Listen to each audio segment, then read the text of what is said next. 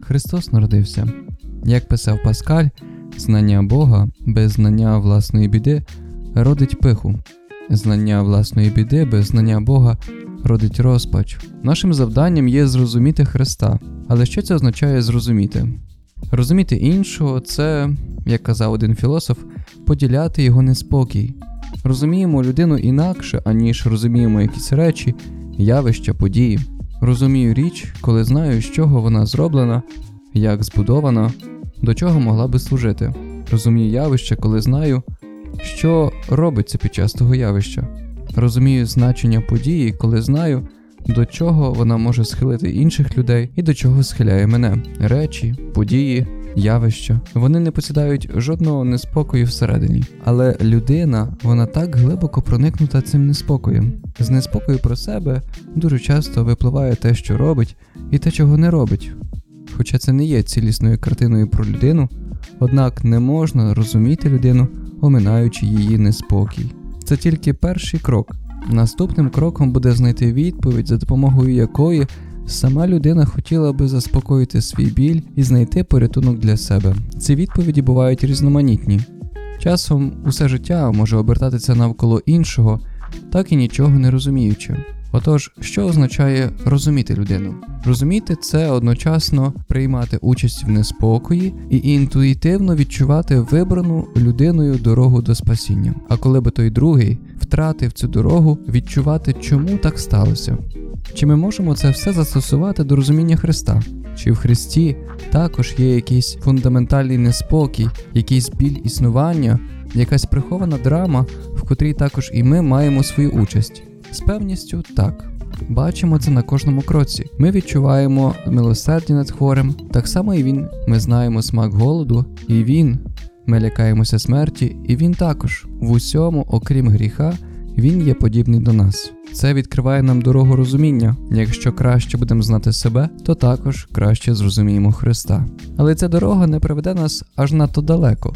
Розуміння себе може для нас теж в певний момент стати межею цієї дороги. Скільки разів людина замикається в собі, а одночасно з тим замикає теж і горизонт розуміння інших, тим більше це стосується Христа. Христос не тільки є подібний, є також інакший. Те, що інакше, воно виходить з нашого розуміння, а зрештою, чи ж ми можемо колись насправді сказати, що розуміємо себе, чи ми не є для самих себе істотами незбагненними? І як же ж тоді з власної незрозумілості учинити норму для розуміння інших? Отож, де є наша дорога? Саме Євангеліє вказує нам цю дорогу. Читаючи його раз у раз, ми стаємо здивовані.